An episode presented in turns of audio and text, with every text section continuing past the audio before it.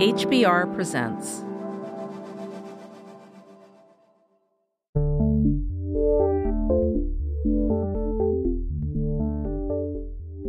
Hi there, I'm Azeem Azhar, and you're listening to the first episode in season five of the Exponential View podcast. This is the place where every week I come together with a brilliant mind to discuss the forces that are shaping our near future.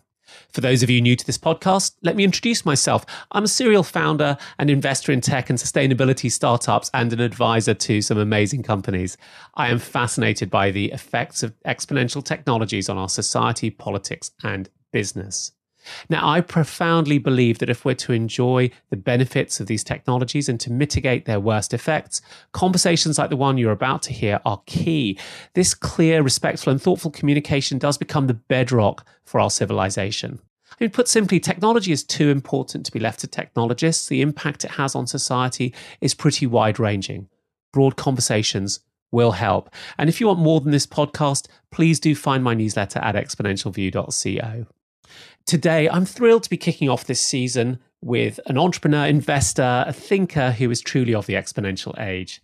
Sam Altman is a prolific investor and the previous president of Y Combinator, the world's most successful tech accelerator. It helped launch Airbnb, Dropbox, Reddit, and over 2,000 other companies into our lives. Today, Sam is the CEO of OpenAI, an organization created to research and develop the world's first AGI, or artificial general intelligence, a technology so powerful that it could outperform humans across a wide range of tasks, at least in theory. In the summer of 2020, OpenAI released GPT 3, a small milestone, perhaps, in the journey towards AGI. It is by far the most effective and sophisticated language generating software ever created, but like any powerful technology, it does come with profound risks. And in the case of this one, this includes the danger, for example, of amplifying racial or gender bias or becoming a tool for malicious disinformation. Sam and I touch on how you manage risks like this when developing these kind of breakthrough technologies in our conversations. But we did record this discussion before OpenAI announced its exclusive distribution deal with Microsoft, so that is something that we couldn't talk about. Now, if as Sam predicts, the AI revolution will be bigger than the agricultural, industrial, and computer revolutions put together, these new technologies must be harnessed with sensitivity and deep reflection. Sam, welcome to Exponential View. Thanks for having me. Now, do you still believe, a few years on from setting up OpenAI, that the AI revolution is going to be more significant than the agricultural revolution, which created civilization itself? On a long enough time horizon, I definitely do. Uh, I think that technologies get sort of to stand on the shoulders of the technologies that come before. And we needed civilization itself to be able to have the industrial revolution and then the computer revolution. Certainly, we needed those to be able to build AI. Um, but everything just compounds at this phenomenal rate. And so, at this next level of emergent power, uh, I do think is going to transform everything. So, this summer we had GPT 3, which was a really powerful milestone in uh, a number of ways. How would you characterize GPT 3 as a technology on that continuous curve? On the curve of AI, I think it is a, a baby, baby step.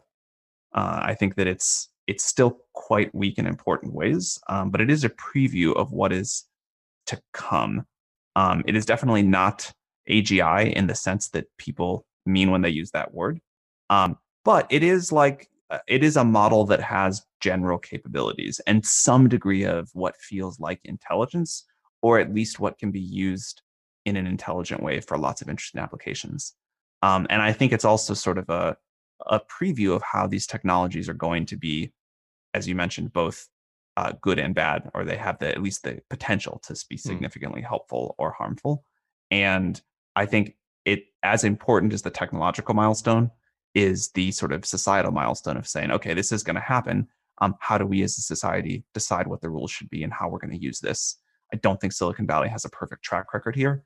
And mm-hmm. so uh, hopefully we can do it a little bit differently this time. So, what was the dissonance that you were experiencing between what you thought of GPT 3 and what you were sort of reading in the frenzied excitement around it? Yeah, I think what you just said is exactly right. I think it just got sort of frenzied. Um, I think I think it is if you're not looking at this every day um, and sort of watching the exponential curve, I see why it looked like a discontinuity. I can understand that. Um, because people have been talking about AI for so long and there's been no there's been no publicly available system that feels really general. And so the first one of those is in some sense a big deal. But but I think people got ahead of themselves and uh, you know, this like often happens with a new technology and then you you use it for a while and you get used to it. So what we what we were trying to do there is just like remind people that look, this is a moment in mm-hmm. time. This is a, uh, a an interesting checkpoint. This is not AGI. This does not mean AGI is around the corner. Um, but it does mean that like something powerful in this direction is going to happen, and we should have a conversation about how that's going to go. Let's talk a little bit about GPT-3 and what it actually does. I mean, if you're explaining it to somebody who is not involved in the field, what does this tool that you've built actually do? I would say that it is a general purpose language tool. You can have it respond to text in any format you'd like. And it's pretty good in many cases, not all, at understanding what should come next. But to do that well, it has to sort of understand what what a human would think would come next. It's trained on looking at lots of text and predicting what would come next. And to the surprise of a lot of other people, it can do that. It can use that same model to have a chat and answer questions, write code, uh, summarize documents, translate between languages. Uh, and I think that's what's powerful about it is that this one model, just by predicting the words that should come next, can do so many pow- powerful applications. Right. The the point being that when you you think about where we were, say, three years ago with text based systems, you'd have had to have one system that could do customer service chat support for a right. mortgage company, another to do customer service for an insurance company, a completely different one to help you with writing software code, and a and a fourth model to translate between Mandarin and French. Right, these would all be distinct, separate, narrow tools, and what we've started to see across the industry in the last few years, and GPT-3 is a very good example of this, is ones that are more general that can be used for many many different applications yeah and and that's what i think is really exciting about this um, little stepping stone on the path is this is this is the first really general purpose ai uh, that that we're aware of that has been that has been released when these general purpose things come along like the iphone spawned a huge number of new companies um, before that the internet the computer mm-hmm. um, the combustion engine um, they spawned a lot of new derivative technologies and companies and why i think this matters is we are now at the beginning of what I think will be fairly rapid development of sufficiently general AI that it counts as one of these general purpose technologies. And, you know, like obviously I'm biased here, but my guess is that uh, this will be the next technological platform that we've all sort of been waiting for in the industry for some time to mm. enable a, a lot of new incredible services that would even be difficult to imagine today as a dilettante, uh, sort of observing this from afar, I can say, oh, this thing looks quite general. But do you have a formal way of saying this particular model is actually general? I mean, what is the test for something to be general? The best way is to just evaluate it across lots of different sorts of tasks and lots of different metrics. I'm a, I'm a big believer in you you make what you measure. Mm-hmm. And so if you measure some narrow thing, you'll do well at that, not everything else. And we really try to hold ourselves to evaluating its performance across many, many different tasks. And, you know, we kind of know the areas where it's weak. And then we mm-hmm. know the areas where it's strong, and, and some it's really strong. But uh, we're going to just keep expanding the number of tasks we evaluate these systems on uh, and try to do better on all of them simultaneously. So there's like mathematical definitions mm-hmm. that I think we're kind of like reaching the edge of the utility of. And at this point, like our evaluation metric will just be like, how useful is it to the world? And you'll be able to measure that by the amount of use people make of totally. it and the number of different applications. You know, one of the things that we learned at YC was that if you just set a growth goal and a very aggressive growth goal for yourself, like 10% a week or something mm-hmm. on your key metric, um, you can't hide from that very long. And it's either like a good enough product that people really love it and base their company off of it and tell their friends it's amazing, or it's not. Uh, and if you just sort of hold yourself to a growth metric, um, that will eventually be an acid test of whether what you're doing is good enough or not. You keep referring to GPT-3 as a small step on this this curve.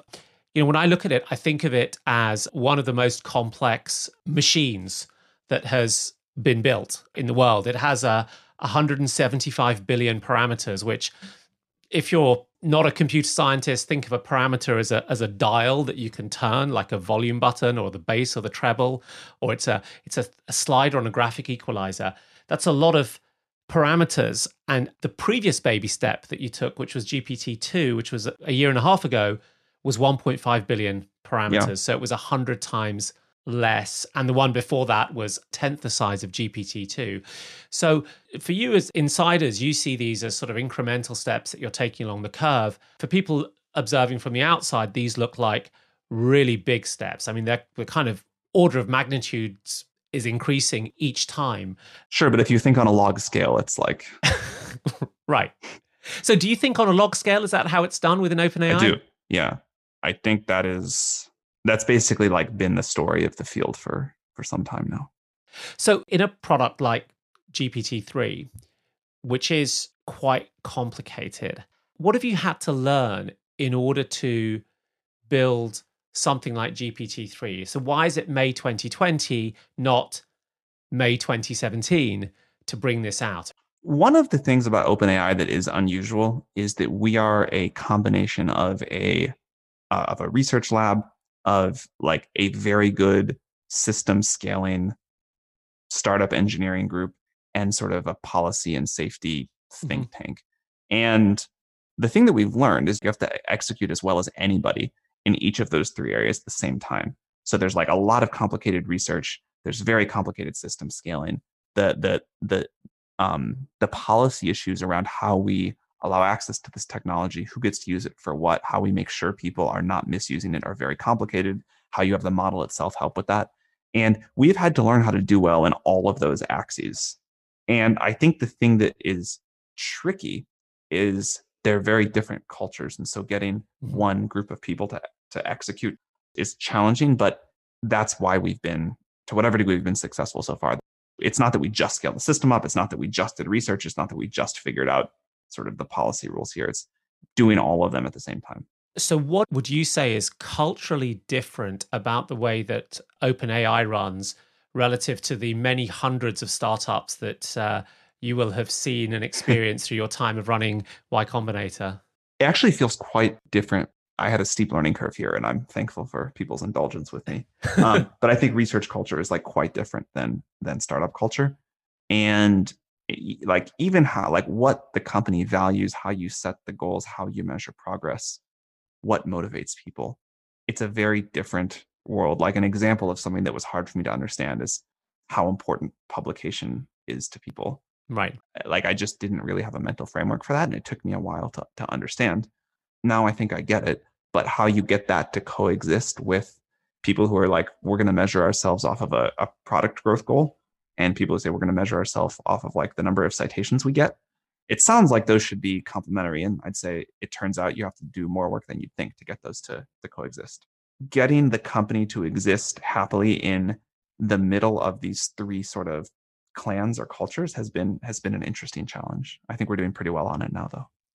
But you've you've also discussed this idea that uh, you know you have to now start to measure OpenAI's value in terms of the usage, right? I certainly don't think that's the only way to evaluate our progress. In addition to the academic benchmarks, we now have a new one, which is the real world. Um, we will continue to measure ourselves on lots of metrics. I think that's a key to getting something general. Um, but but like what we really care about, or at least what I think most people doing this kind of work should really care about, is like how do you do something useful? Do you make people's lives better?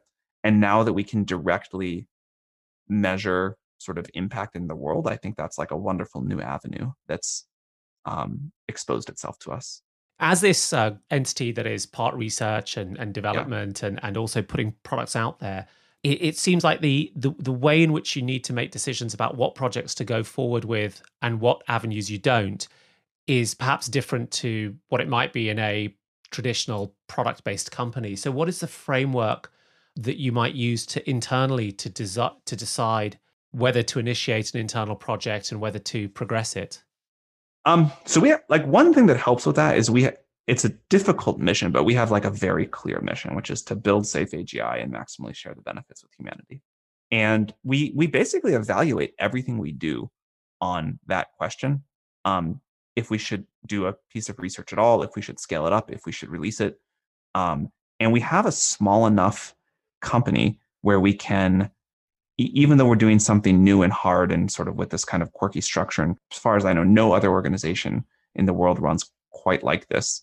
Um, but when we have to make these hard decisions, we have a small enough team that we can get everybody in the room or now on the Zoom call and or the Google Hangouts call mm. um, and talk through it. Um, and you know, I think it's like it's that's a that's a real advantage of being of being small.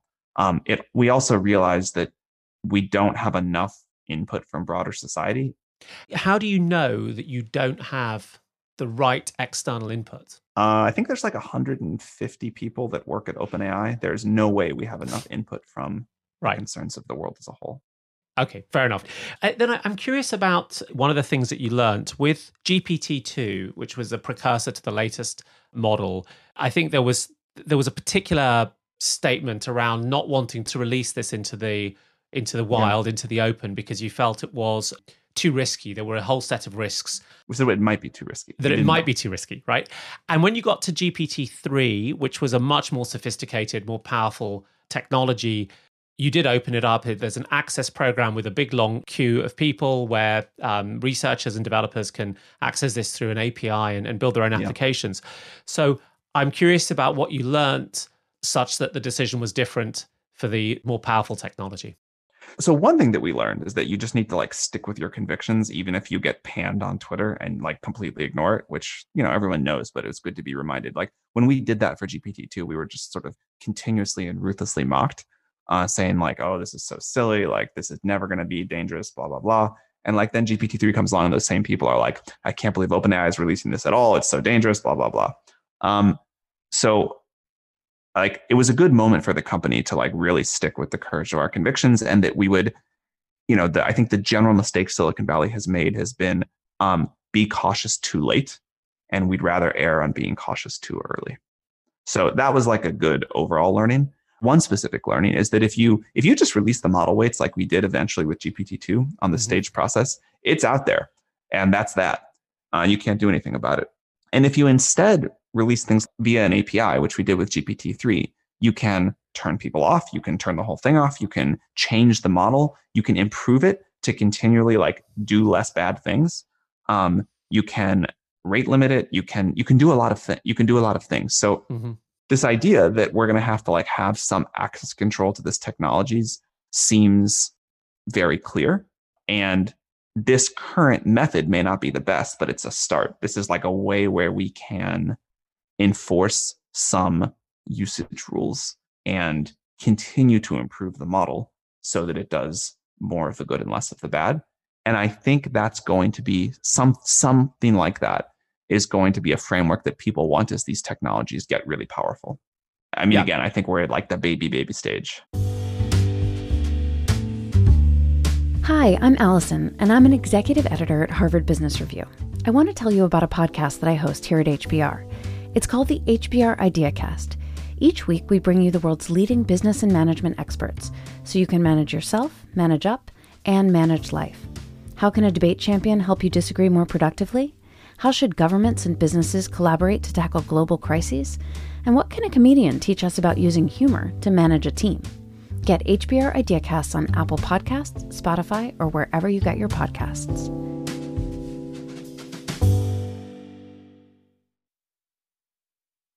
I think what we've seen with GPT-3, of course, is that the first thing that happens with any new piece of software that is that is programmatic is people try to push it to its limits yeah. right that's what you you know you you get access to the twitter api in 2009 2010 and the first thing you try to do is what can i break yeah. and so you must have seen people trying to break gpt-3 in different ways to what extent is that helpful for you and are there surprising ways in which people have try to stress the system. It's totally helpful. Look, at some level, you could say that it's like unfair that most of the negative stuff you see on Twitter is like people turning off the content toxicity filter, really trying hard to bait it into giving offensive outputs.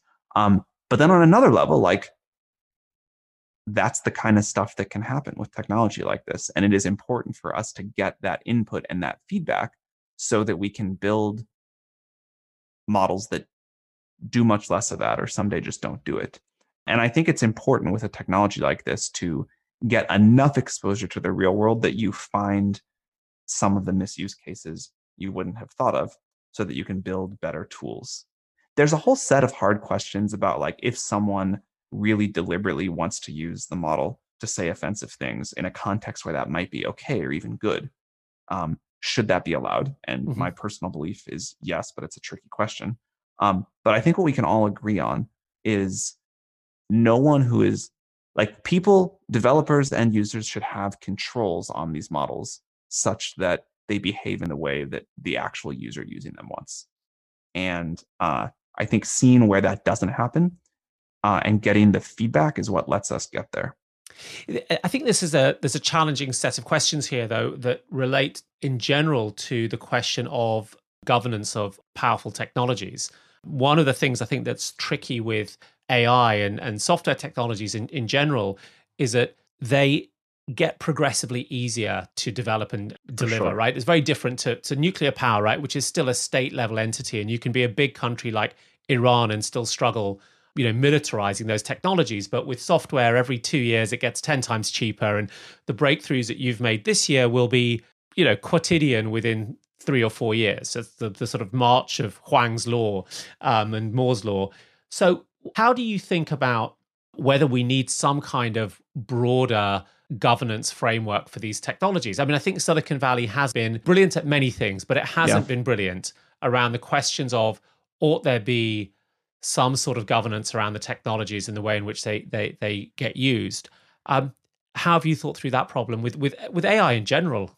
I think we do need new governance. I think that more generally, I would say uh, our existing governance models did not account for the idea that technology would eventually become so powerful and such that companies like OpenAI could eventually do what only nation state actors could do. You know, mm-hmm. if we go back and think about your example of, let's say, nuclear weapons first and then power, or something like the Apollo program, um, those required an amount of capital and just resources that, you know, like a private company just wasn't going to do it. I forget the exact number for um, the amount of electricity in 1943 that went to enriching uranium, but it was something like 23% of all of the US's electricity. Right. Like just took massive resources. And so I think we need new governance models and we also need new um, economic models. And part of what I think OpenAI is good about is that we are able, because of our sort of unique structure and this capped profit model that we came up with, uh, to advocate loudly for those. I think your economic model is super interesting, and I would love us to spend a bit of time explaining it. Let's talk about the governance question, though, because I think that seems to me to be a really difficult question. So the way that I, I look at uh, you know technology governance at the moment is that especially internet technologies have not really had a governance framework. They they emerged from a a west coast of the free uh, addressable end to end internet, which in a way is a governance model of of its own. And recently, as you rightly point out, these technologies have got more and more powerful. And the biggest companies like the Microsofts and the Googles have state like capabilities in, in certain areas. You know, when there's a cyber attack, the local military can't do anything about it. And then the, the trouble with this, this governance model is that these large companies don't have any accountability to citizens. And we are ultimately at the whim of the senior executives and the, the board of directors to make good decisions. But the chain of accountability has been broken. So I'm curious about what you think a global compact might look like in the next few years, where we feel we can get these technologies working for humanity, but in a way that is well governed. It's a super important question.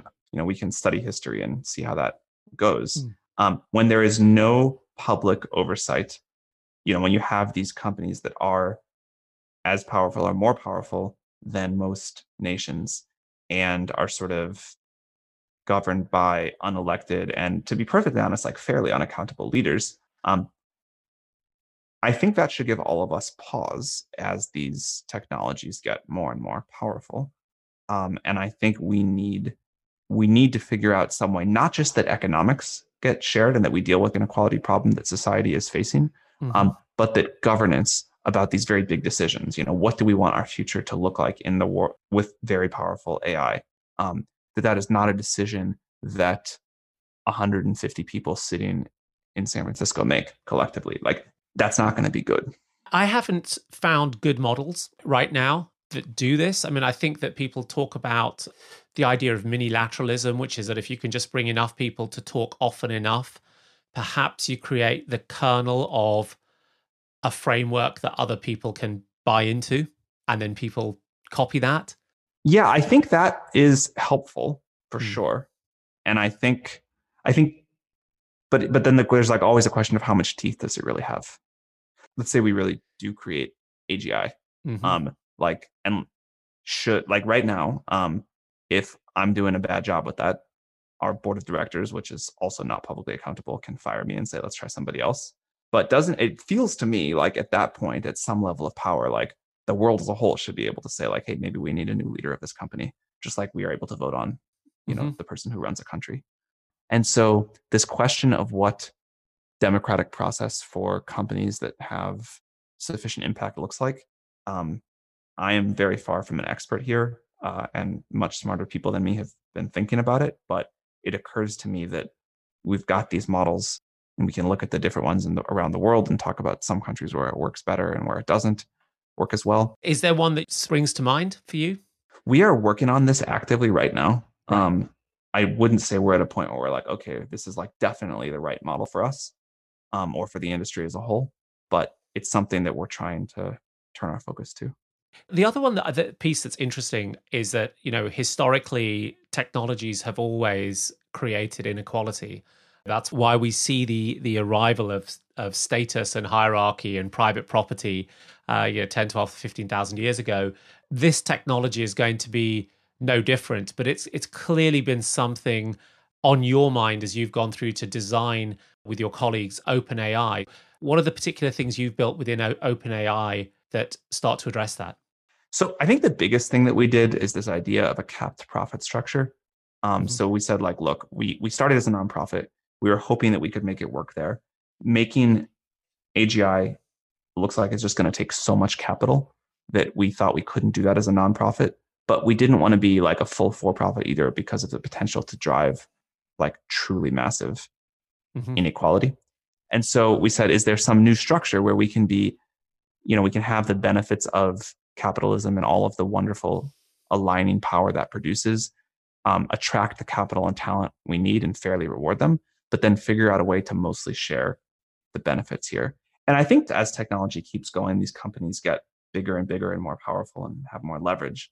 We will need something new uh, mm. as a more general structure. Um, and I think like either companies need to somehow either corporations make less money because they pay people more mm-hmm. um, or like somehow there's got to be some degree of societal ownership of corporations uh, or like a direct sharing in the equity value. Um, mm-hmm. Um, otherwise, inequality will just run away. And OpenAI is like one way of sharing the equity value. And I think just to maybe put some historical framing uh, on some of those observations, uh, I, I mean, the, the labor share of income in most developed countries has declined by about 10 points over the last 40 years, with most of that gain going back to companies themselves, in fact, not even to shareholders. And the other thing is that within an AI kind of product, you have a rich get richer phenomenon because yeah. you're you've got the data network effect that is making your model better than the next person's and every query that comes into GPT-3 is a new form of data that you can use to improve the next the next model right? So you have these dynamics. And uh, you know i think it's fa- fantastic that you've identified that this is one of the the challenges. You talked about there being a problem with the inequality that would cause. So do you have an internal mental model about how much inequality is too much and how much inequality is kind of just enough to keep people motivated? That is such a hard question. You some degree of inequality is the price of capitalism. Mm-hmm. i still think capitalism has like these wonderful benefits that have been replicated by no other system. And if you stop rewarding people for innovating or even for efficiently allocating capital, that'd be really bad. So perfect equality is wrong, uh, I think.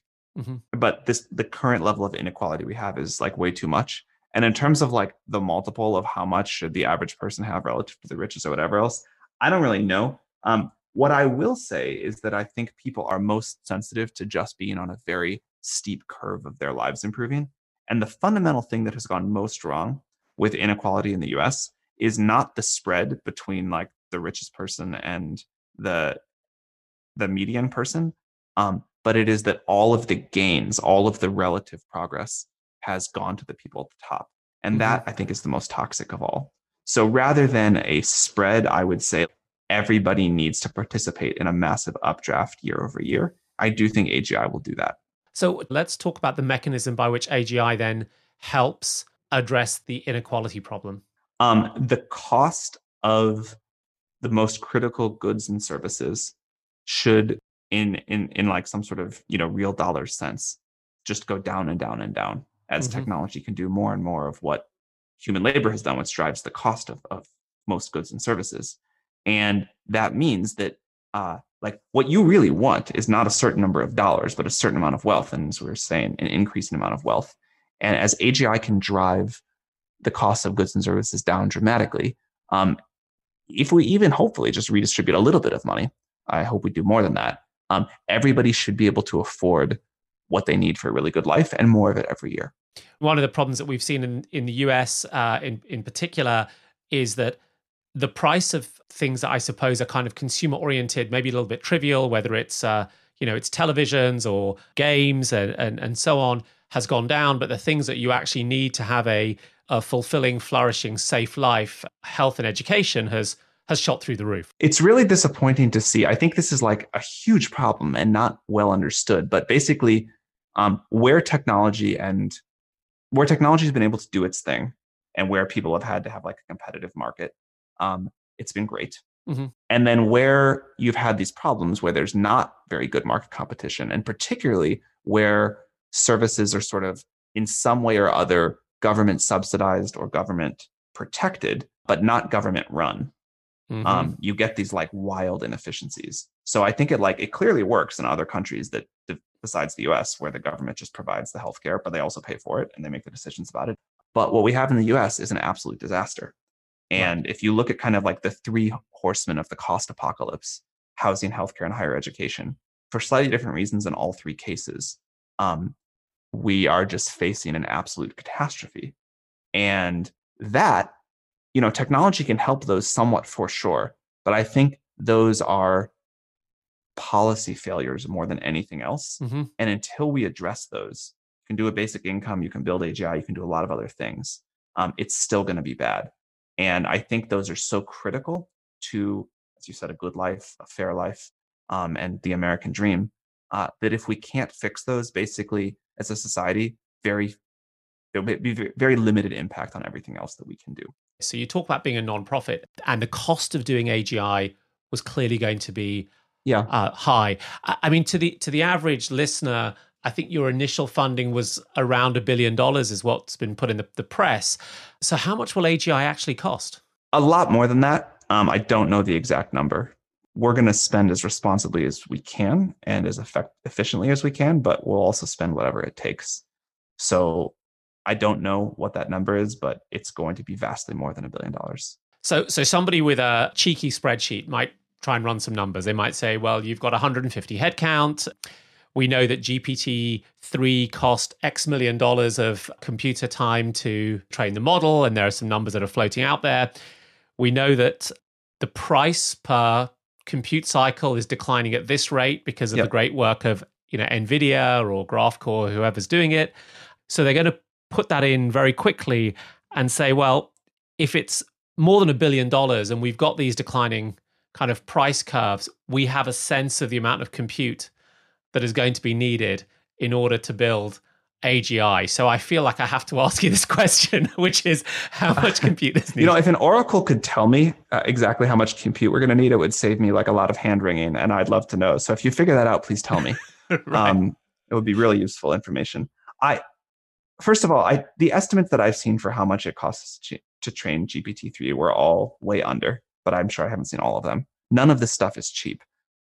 When people have run those spreadsheets, they come up with wildly different numbers I have seen people say 10 billion. I have seen people say 100 billion. I have seen people say a trillion. I have seen people say 100 million. We just need the right algorithm. And the true answer, of course, is no one knows. Mhm. And everyone's spreadsheet is wrong in some important way. Um, we ourselves, I think we do some of the best work in the world trying to project this, and we ourselves have huge error bars. Um, but the more we learn, the more confident we are, and then we can go off and raise more specific amounts of capital and make more specific computer orders. But all I can say with confidence is it's going to be a lot. Yeah. But I think the important thing as well is it's not just a dollar sum. There's something that you said earlier in our conversation about you have these different teams who are who have competing interests and competing constraints. And essentially the capabilities of each one has to have to Yeah. grow like an ecosystem with the other teams. So it's not as if you could get someone to write you a huge check today and that would solve the problem tomorrow. It's more that there's some undiscovered capabilities that need to be learned For sure. One thing that I certainly believe is that if you you could throw like a trillion dollars uh, at the problem without any new ideas, and you still wouldn't get to where we'd like to get. I'm just Right. I'm very confident that we're making fast progress on the new ideas, and certainly on kind of the policy and safety work. Question that like we get a lot is why you know OpenAI is smaller and has less compute than some of these other Mhm. organizations and labs and like how, how are you outperforming them or why are you outperforming them and i think one of the answers that sounds a little bit silly but is somehow true is it's not in spite of that it's because of it and because we can stay so small and focused and only do a few things at a time and really have to align a lot of people with these different cultures into thinking about you know where are we going to bet our very extremely limited resources and talent? Um, that's actually the best way to make progress towards these problems. That approach i mean it sounds to me like it's the it's the startup approach right? For sure. So it's come out of your experience of not having been a researcher but having nurtured a thousand startups or more. Absolutely it's a very distinctly different way that a, a lab would work. But then i'm curious also about whether you can do basic science in that way right? Sometimes basic science just requires someone to be able to ask the question and just spend their time scratching their forehead and s- throwing things up on a whiteboard. Well it seems like we're, we're doing okay at that.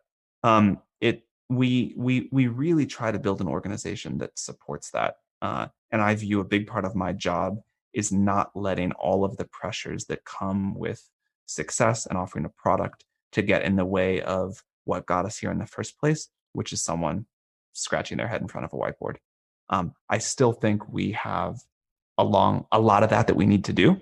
Um, obviously some of the most talented people in the world to do it and we've got to make sure that we keep a culture where that continues to happen. I want to zoom back out a little bit. We talked about the importance of, of AI and AGI as um, heralding a new epochal revolution in human development. And when we we look at these revolutions, one of the things that's interesting is I, I think of it as um, you can't tell a goldfish about the water that they're in, right? Because they're in the water. right And a new technology comes out and takes the goldfish out of the water and say, "Hey, look, you're in water, and there's a there's Yeah. a bowl, and, and the goldfish has to learn about that." These sort of emergent properties that come out of of society. So whenever we see these breakthrough general purpose technologies, we see that change happening, and it's not just an industrial change; it is a kind of political economic change. It is a values change. Uh, so it took Galileo 350 years to get his pardon uh, from the Catholic Church. And yet, here we are with a new set of ways of thinking about the world that are, you can't disentangle them from the technologies that went before and the potentials that they created. So it's a really hard question for me to say to you when you build AGI, which essentially is like a five dimensional telescope, right? What are we going to see in the fifth dimension? But when you th- ponder that question and you think, where are the point, the fracture lines in our existing world that will look so primitive when we are living in a society that has as its bedrock technology? i think it's going to call into question all of sort of deep philosophical issues that have been on humanity's mind for millennia and they will be newly relevant. Like what it really means to be conscious and what it means to sort of like be a separate entity. If we really try to like look through that five dimensional telescope about what this is going to tell us about our place in the universe and what intelligence and consciousness and awareness and all of that mean like that's hard to think about. Like that's a big big thing and that's the one that I would say, like when I wake up at three in the morning, is the thing that's on my mind. It's like, what what's going to happen? Like, what what are these? You know, when this thing gets kicked off, uh, and these like intelligent entities that are much smarter than any humans and sort of self-aware in some way, but maybe in a very alien way. Maybe we Right. build a very alien intelligence. What's that gonna mean for like the next 10 to the 100 years of the universe? On a more like pedantic level for society, I think it will be a big shift because we have for so long, we humanity have identified and gotten our identity based off of being the smartest things on the planet. Mhm. and when that's no longer true uh how will we define our success? How will we um get our sort of intrinsic motivation and happiness? What will we do with our days? And also like how will this system working in concert with us help us govern ourselves in ways better than we could ever think of ourselves How do you avoid the challenge of taking a kind of anthropocentric view of what that intelligence is? I mean, I think you hinted at this where you said this intelligence may be more alien like, that maybe that the tools you end up building have as much in common with our intelligence as a helicopter has with a with an Yeah. eagle or a hawk. If that's the case, do these things become tools? Do they ever have agency that that we could recognize as agency? I suspect they will on a long enough time horizon, but that might be a very long time horizon. And it might be in a different way than we think now. But I suspect that they will. Uh, I still sort of think that some version of a merge is what's most likely to happen. And it, we won't be talking about these things and us, but it'll all sort of kind of co evolve in, in one very powerful direction. And I think that's honestly the future that seems the safest and the most exciting to me. Well, one of my favorite examples of the merge is what happened to our lower intestines as we started to use flints, which, as I'm sure you know, we started to externalize our digestion. And so our gut proportions are very different to hominids who have to digest those Yeah. fibers internally. So we, we're, we're used to this. We've been merging with technology for a long time, and it doesn't have to happen with like plugging electrodes into our brain. There's a lot of there's a lot more pleasant ways than that for it to happen, and I expect it will, but it won't. Like, I don't think it's going to seem like this super differentiated bright line thing that's Mhm. us versus them. I hope Right. it doesn't. I think that would be bad. I think every year, is it right that you and the team get together and discuss forecasts for when you get to the milestone that we've been discussing, which is AGI? So, where is a current forecast, consensus view, and how do those discussions take place? I mean, take us to that room. Sure. So this is the year where we realized it was a bad question. Ah. And I think we've all, as part of just seeing GPT-3 out in the world, not all of us, but most of us have updated towards thinking that instead of this moment in time, it's going to be this continual exponential curve, like everything is. And this question of like when we get AGI is somehow framed wrong because it's going to be a many year, I think, smooth exponential curve of progress. And so then the question is like, do you want to talk about when that curve starts, when it ends? Like, what does it even mean to end? Maybe it never ends. Maybe it just keeps going. So, like, and certainly for me, uh, this was the year where I said I can't give a number because it's going to be this like thing that's already started and it's going to go on for a long time, and I can't say we're done because it's just going to keep getting more powerful. But the way that it happens is we do an annual offsite every year. Um, we give talks, we have discussions, we like drink around a fire, whatever, and then at some point we do a company poll Mhm. and it's very unscientific. Um, you don't have to respond. Not everybody does. Um, and the question is sort of AGI is you want to define it how many years? And it was sort of going down or coming. It was the number of years away was going down faster than one year per year. So again, some sort of exponential Oh. curve Yeah, and some Um, optimism. and optimism. Um, could be the wrong kind of optimism. Could be like we just sort of hired people who were too optimistic. So I don't want to make too much of that. Um, but but this year, um, many people would say things like, "It's really hard to define because it's not a point in time," and that's definitely what I feel. Um, so I think next year we'll figure out how to ask the question in a very different way. It sounds like you and OpenAI are always learning, Sam. we are trying. I think one thing we do do, we do a lot of things badly, but I think one thing we do well is like get data and adapt. That has been evolution's answer for the miracle of survival and thriving, which is get data, and adapt. It will keep working, I'm pretty sure. Thank you very much, Sam Altman. Thank you. Well, thanks for listening. If you enjoyed this conversation, be sure to subscribe because we have some of the most powerful figures in the AI and tech world lined up for you later in this season. In the meantime, you should check out some of my previous discussions with many of the world's top AI researchers, including Fei Fei Li, Gary Marcus, and Jürgen Schmidhuber. I would encourage you to listen to those three in particular as they provide some perspectives on some of the issues that I discuss with Sam. To stay in touch, subscribe to my podcast or my newsletter at exponentialview.co. This podcast was produced by Marija Gavrilov and Fred Casella. Ilan Goodman is our researcher, Bojan Sabioncello, the sound editor. Special thanks to Exponential View members Elizabeth Ling, Paolo Bonomo, and Gianni Giacomelli for help with this episode. Exponential View is a production of e to the pi i plus one limited.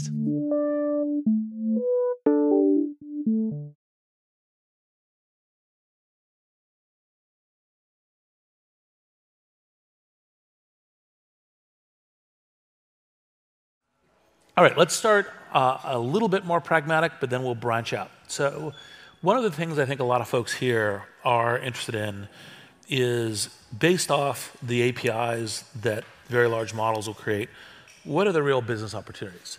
Like, what are the ways to look forward? And then, how, given the, the, the APIs will be available to multiple players, how do you create distinctive businesses on them? Um, so I, I, think so far we've been in the realm where it's you know you can do like a, an incredible copywriting business or you can do like a sort of like education service or whatever. Um, but we I don't think we've yet seen the kind of like people go after the like you know trillion dollar like take on Google's. Um, and I think that's about to happen. Like maybe it'll be successful, maybe Google will do it themselves, but like I would guess that with the quality of, of language models we'll see in the coming years, um, you know, there will be like a serious challenge to Google for the first time for, for a search product. Um, and I think people are really starting to think about like, how do the fundamental things change? Um, and that's going to be really powerful. Uh, I think that a, a, like a human level chat bot interface that actually works this time around, like I, I think like you know many of these trends that like we all made fun of were just too early. Like the chatbot thing was good, it was just too early. Um, now it can work, and I think you know having like new medical services that are done through that, uh, where you get great advice, or new education services. Like this, these are going to be very large companies. Uh, I think we'll get multimodal models in not that much longer, and that'll open up new things. I think people are doing amazing work with sort of agents that can use computers to do things for you, use programs, and this idea of like a language interface. Um, where you know you say in natural language what you want in this kind of like dialogue back and forth. You can iterate and refine it, and the computer just does it for you. You see some of this uh, with like DALL-E and Copilot in very early ways, um, but I think this is going to be a massive trend, and you know very large businesses will get built um, with this as the interface, and more generally that like these very powerful models will will be um, one of the genuine new technological platforms which we haven't really had since mobile and there's always like an explosion of new companies right after. So that'll be cool. And, and what do you think the key things are, given that the large language model we provided as an API service? What are the things that you think that folks who are thinking about these kind of AI businesses should think about as how do you create an enduring, differentiated yeah. business?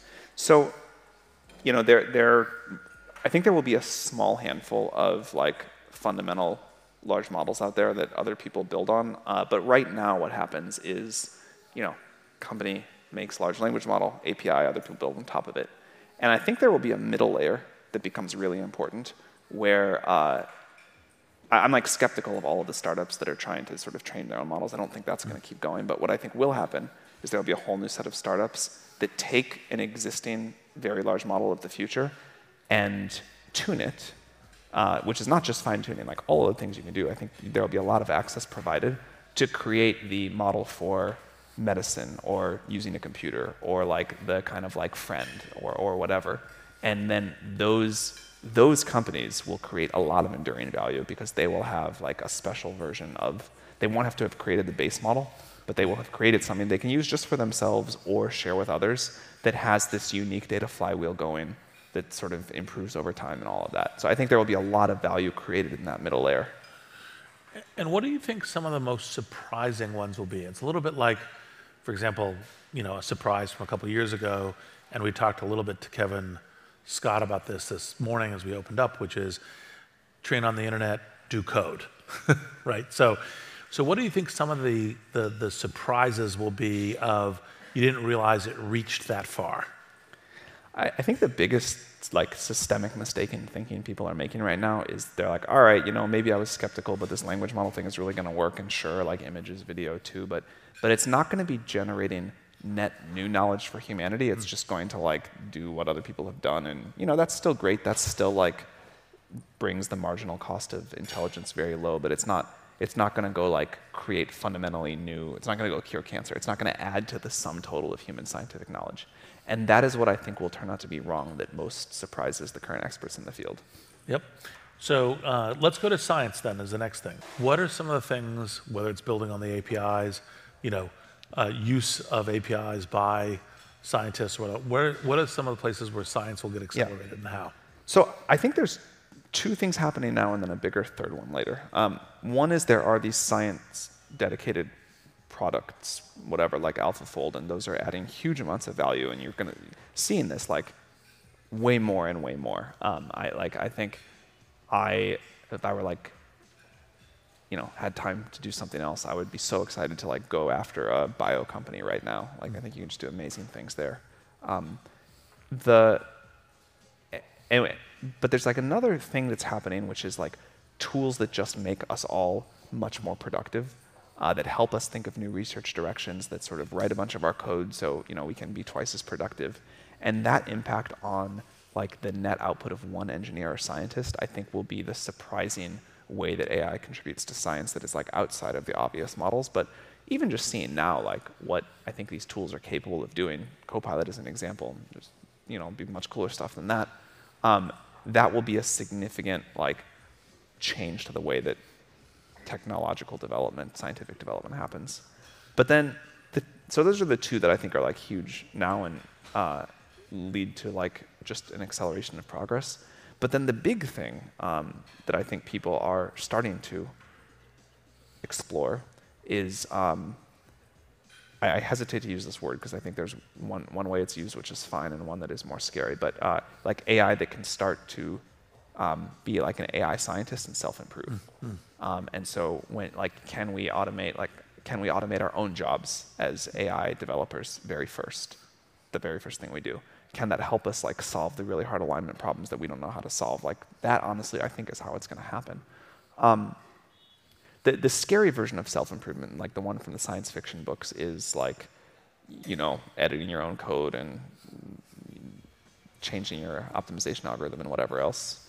Um, but there's a less scary version of self improvement, which is like kind of what humans do, which is if we try to go off and like discover new science, uh, you know, that's like we come up with explanations, we test them, we think, like we, we whatever process we do uh, that is like special to humans, teaching AI to do that, um, I'm very excited to see what that does for the total. Like, I, I'm, I'm a big believer that the only real driver of human progress and economic growth over the long term is the, the structure, the societal structure that enables scientific progress, and then scientific progress itself. And uh, like, I think we're going to make a lot more of that.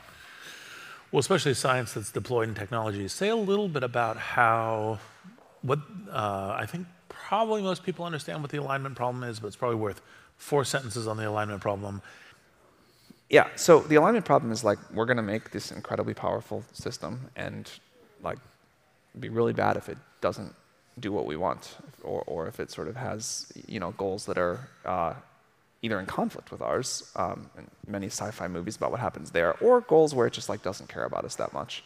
And so the alignment problem is how do we build AGI that that does what is in the best interest of humanity? How do we make sure that humanity gets to determine the you know, the future of humanity.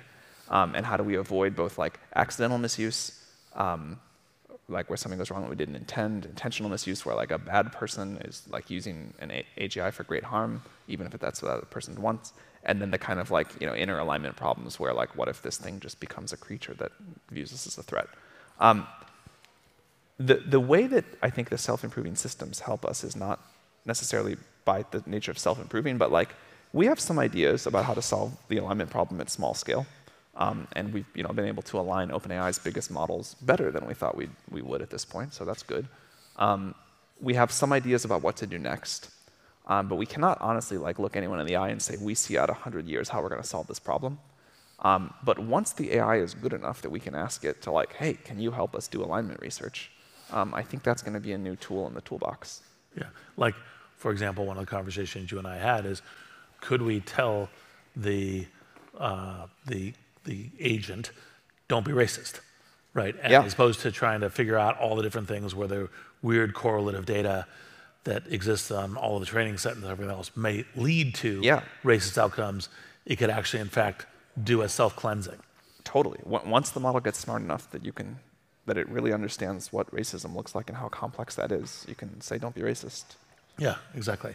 Um, what do you think are the kind of moonshots that, in terms of evolution of the next couple years, that people should be looking out for? In terms of like evolution of where AI will go. Yeah.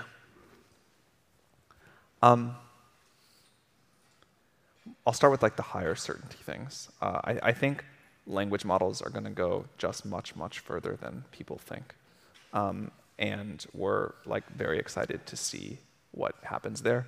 Um, I think it's like uh, what a lot of people say about you know running out of compute, running out of data. Like that's all true, but I think there's so much algorithmic progress to come um, that that we're going to have like a very exciting time. Um, another thing is I think we will get true multimodal models working.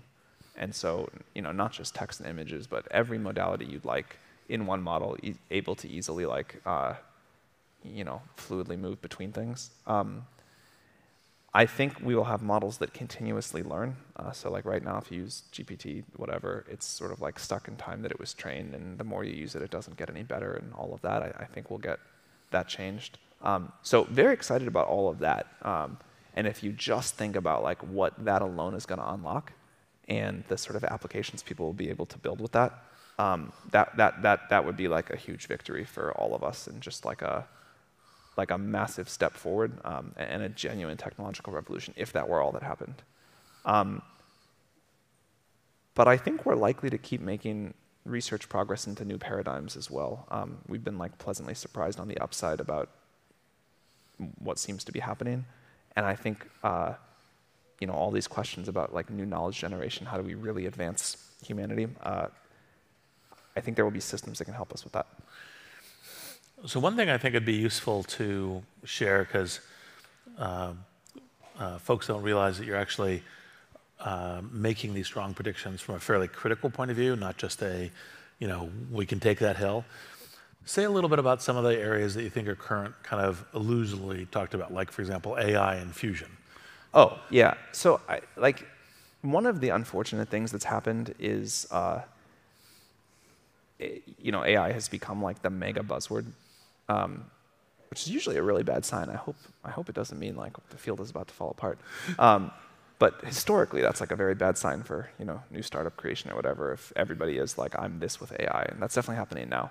Um, so like a lot of the th- you know we were talking about like there are all these people saying like I'm doing like these you know RL models for fusion or whatever, and as far as we can tell, they're all like much worse than what like you know smart physicists have figured out. Um, I think it is just an area where people are going to say uh, everything is now this plus AI. Many things will be true. I do think this will be like the biggest technological platform of the generation, um, but I think it's like we like to make predictions where we can be on the frontier, understand predictably what the scaling laws look like, or already have done the research where we can say, all right, this new thing is going to work, and, and make predictions out from that way. And that's sort of like how we try to run OpenAI, um, which is you know do the next thing in front of us when we have high confidence, and take 10% of the company to just totally go off and explore, um, which has led to huge wins. And there will be wait like oh, I feel bad to say this. Like, I, doubt we'll still be using the transformers in five years. I hope we're not. I hope we find something way better. Um, but the transformers obviously been remarkable. So I think it's important to always look for like, you know, where am I going to find the next, the, the sort of the next totally new paradigm. Um, and but I, but I, I think like that's the way to make predictions. Don't don't pay attention to the like AI for everything. Like you know, can I see something working and can I see how it predictably gets better? And then of course leave room open for like the you can't plan the greatness, but sometimes ha- the research breakthrough happens. Yep. So I'm going to uh, ask two more questions and then open it up because I want to make sure that people have a chance to do this uh, broader discussion. Although I'm trying to paint the broad picture so you can get the crazy ass Great. questions as part of this. Um, what do you think? Uh, what do you think is going to happen vis-a-vis the application of AI to like these very important systems, like for example, financial markets? Um, you know, because the very natural thing would be to say, well, let's let's do a high-frequency quant trading system on top of this and other kinds of things. What what is it? Is it just kind of be a neutral arms race? Is it is it what? How do how? What, what's your thought? And like it's almost like the Life 3.0, Yeah. Omega's point of view. Yeah. Um, I mean, I think it is going to just seep in everywhere. My, my basic model of the next decade is that uh, the cost of intelligence, the marginal cost of intelligence and, and the marginal cost of energy are going to trend rapidly towards zero, like surprisingly far. And, and those, I think, are two of the major inputs into the cost of everything else, except the cost of things we want to be expensive, the status goods, whatever. And, and I think you have to assume that's going to touch almost everything um, because these like seismic shifts that happen when like the whole cost stru- structure of society changes, which happened many times before, um, like the temptation is always to underestimate those. Uh, so I wouldn't like make a high confidence prediction about anything that doesn't change a lot or that where that doesn't get to be applied. Um, but one of the things that is important is it's not like the thing trends either trends all the way to zero. They just trend towards there. And so it's like someone will still be willing to spend a huge amount of money on compute and energy. They will just get like unimaginable amount of intelligence and energy. They'll just get unimaginable amounts about that. And so like who's going to do that and where's it going to get the weirdest? Not because the cost comes way down, but the amount spent actually goes way up. Yes, the intersection of the two curves. Yeah, you know, the thing got 10 or 100, thing got 100 times cheaper in the cost of energy, you know, 100 million times cheaper in the cost of intelligence, and I was still willing to spend a 1,000 times more in today's dollars. Like, what happens then? Yep. And then uh, last of the buzzword bingo part of the the future questions, metaverse and AI. What do you what do you see coming in this? You know, I think they're like both independently cool things. It's not like totally clear to me, Yeah. other than like how AI will impact all computing. Yeah. Well, obviously, computing, simulation environments, agents, possibly edu- possibly entertainment, certainly education, right? Um, you know, like an AI tutor and so forth. Those are- those would be baseline. But the question is: Is there anything that's occurred to you that's I, I would bet that the metaverse turns out, in the upside case, the, which I think has a reasonable chance of happening, in the upside case, the metaverse turns out to be more like something on the order of the iPhone, like a new, hmm. a new container for software, and you know, a, a new way, a new computer interaction thing. And AI turns out to be something on the order of like a legitimate technological revolution. Um, and, and so I think it's more like how the metaverse is going to fit into this like new world of AI than AI fit into the metaverse. Hmm, hmm. But low confidence. uh, TBD? All right. Questions? Hey there. How do you see uh, technologies, uh, foundational technologies like GPT-3 affecting um, the pace of life science research specifically? Um, you can group in medical research there and, and sort of just quickening the iteration cycles. And then what do you see as the rate limiter in life science research and sort of where we won't be able to get past because they're just like laws of nature Yeah. or something like that?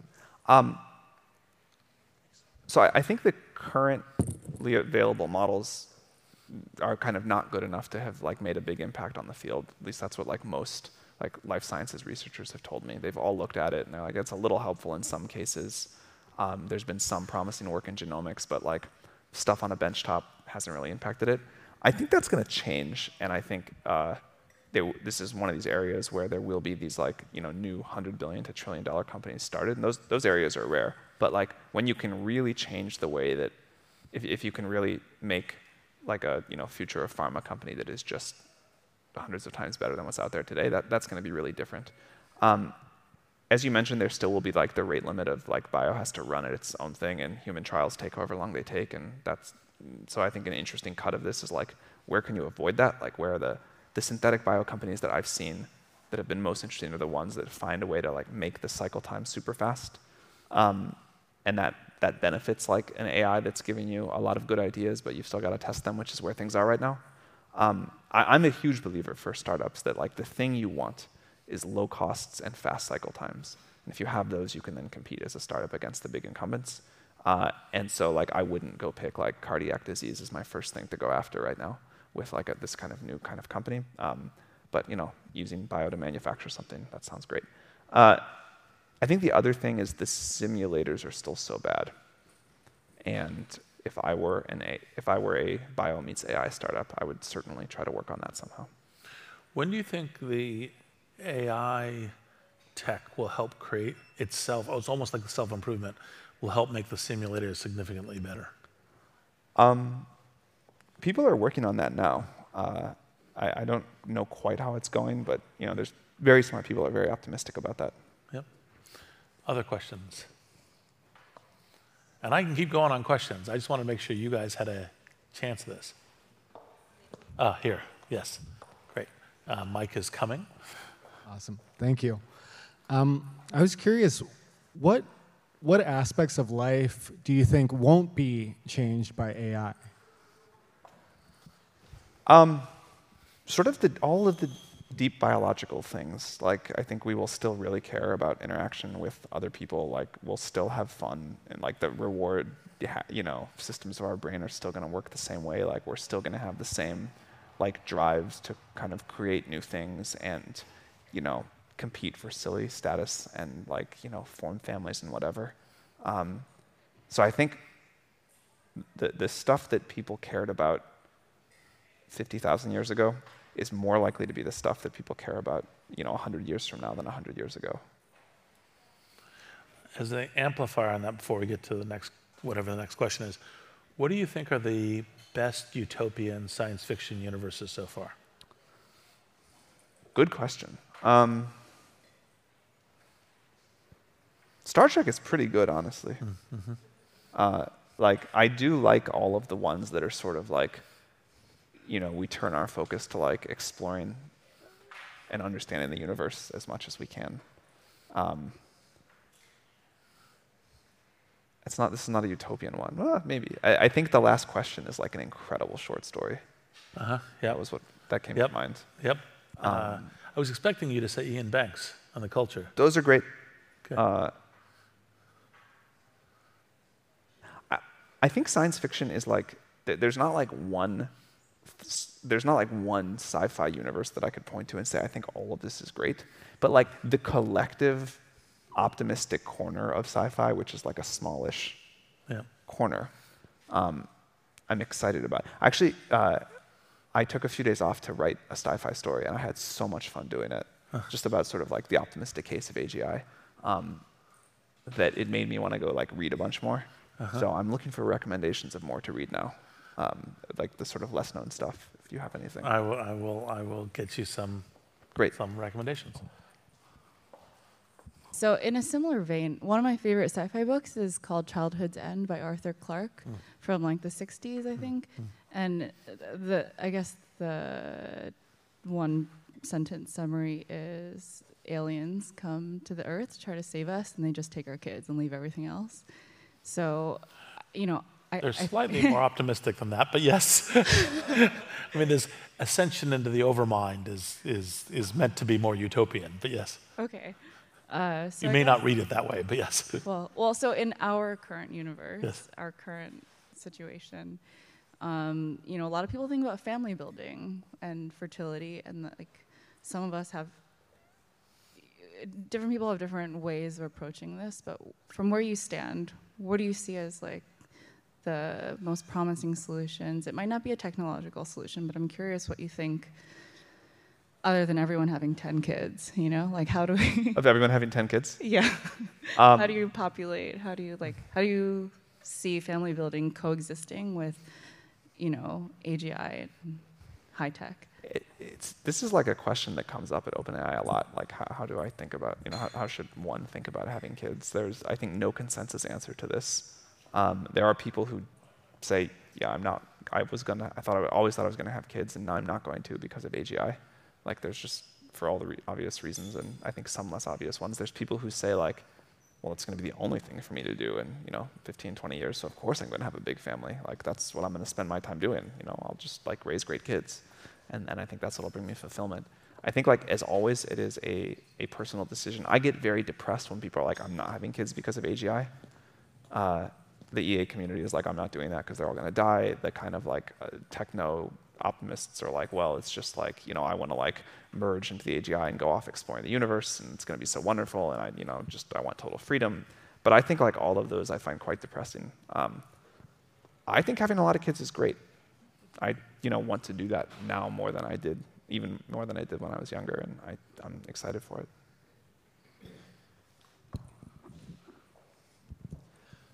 What do you think will be the way that most users interact with foundation models in five years? Do you think there'll be a number of verticalized AI startups that essentially have adapted and fine-tuned uh, foundation models to an industry, or do you think prompt engineering will be something many organizations have as an in-house function? I don't think we'll still be doing prompt engineering in five years. I, I think it'll just be like you, and this will be integrated everywhere. Um, but you will just like, you know, either with text or voice, depending on the context, you you will just like interface in language and get the computer to do whatever you want. And uh, that will, you know, apply to like generate an image where maybe we still do a little bit of prompt engineering, but you know, it's kind of just going to get it to like go off and do this research for me and do this complicated thing, or just like you know, be my therapist and help me figure out how to make my life better, or like you know, go use my computer for me and do this thing, or or any number of other things. But I think the fundamental interface will be natural language.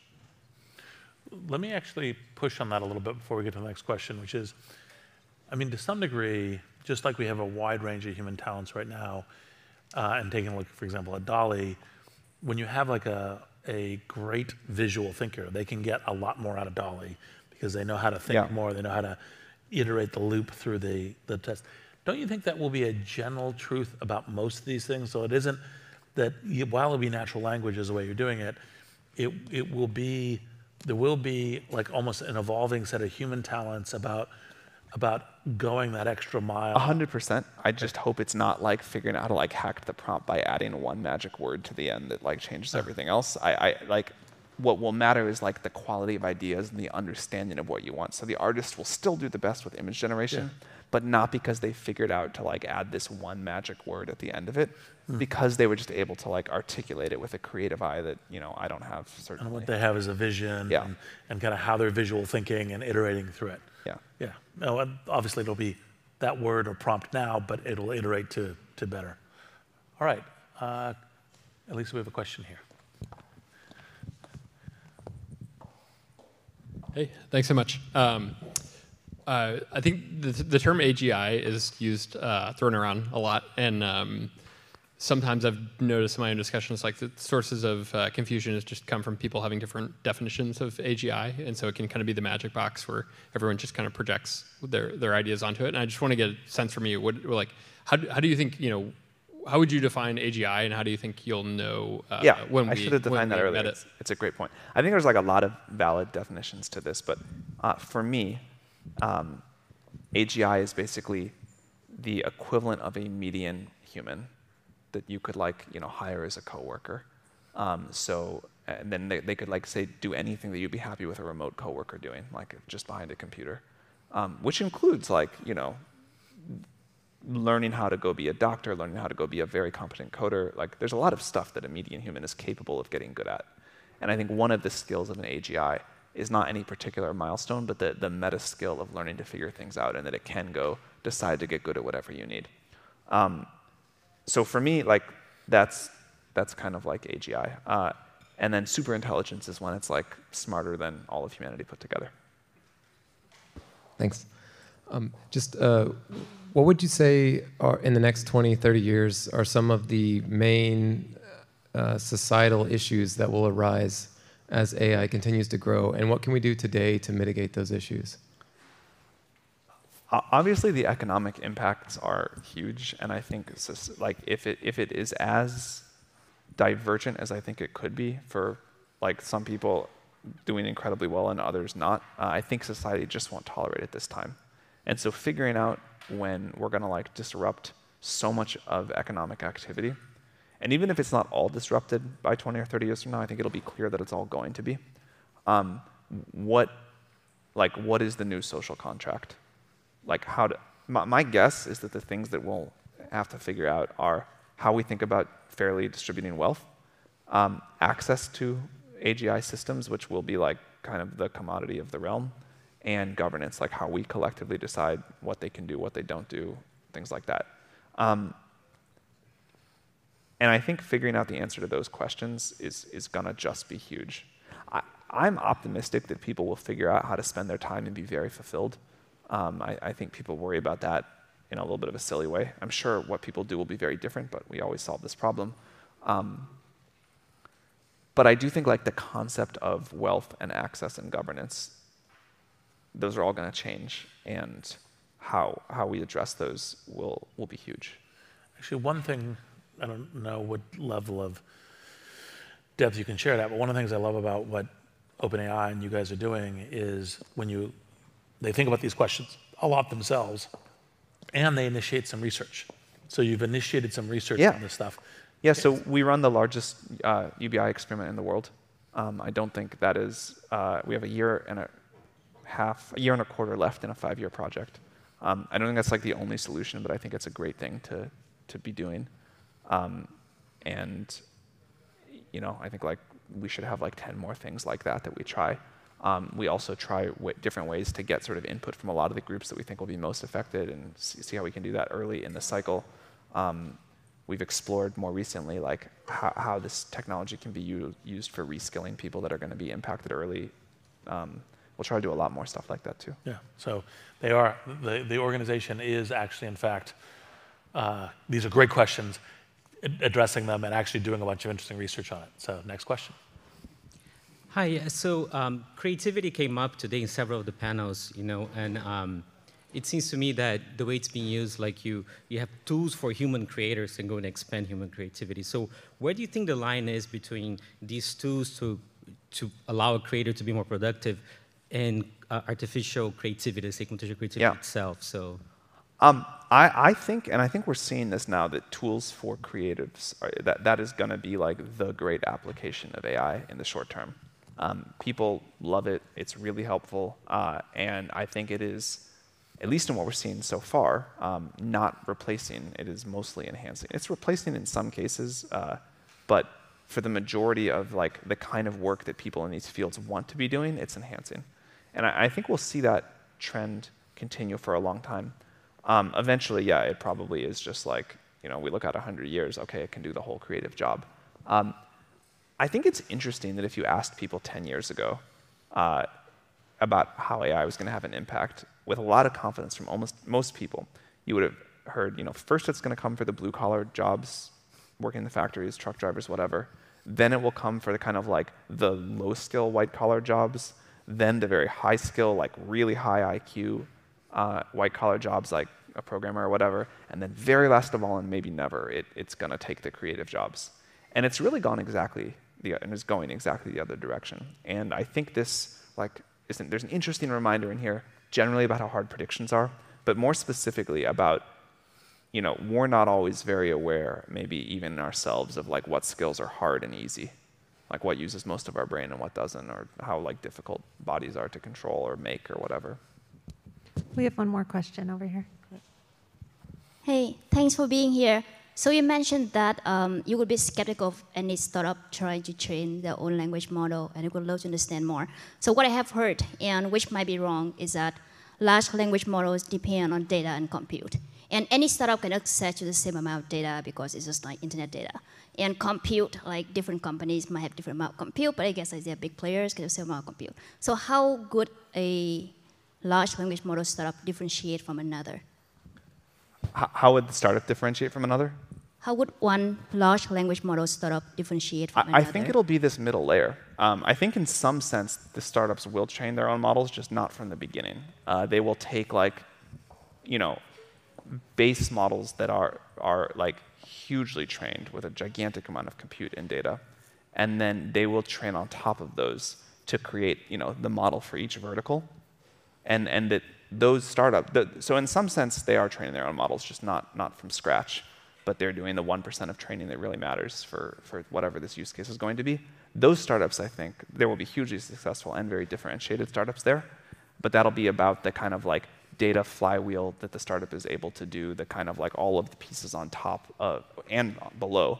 Uh, like this could include prompt engineering for a while or whatever, the sort of the, the kind of like core base model. I think that's just going to get too, too complex and too expensive, and the world also just doesn't make enough chips. So uh, Sam has a work thing he needs to get to. Um, so, and as you probably can tell with the very far, far-ranging thing, uh, Sam always expands my uh, boundaries, and a little bit unlike the, the when you're feeling depressed, whether it's kids and anything else, you're the person I always turn to for optimism. I appreciate that. Yes. So anyway, I think I think like no one knows. Like we're sitting on this like precipice of. AI, and like people are like, it's either going to be like really great or really terrible. Um, you may as well like you gotta you gotta like plan for the worst. You certainly like it's not a strategy to say it's all going to be okay, but you may as well like emotionally feel like we're going to get to the great future well, and then work as hard as you can to get there or, and play yeah. for it, yes. rather than like act from this place of like fear and despair all the time. Because yeah. if if we acted from a place of fear and paranoia, we would not be where we are today. So, let's thank Sam for spending dinner with us. Thank you.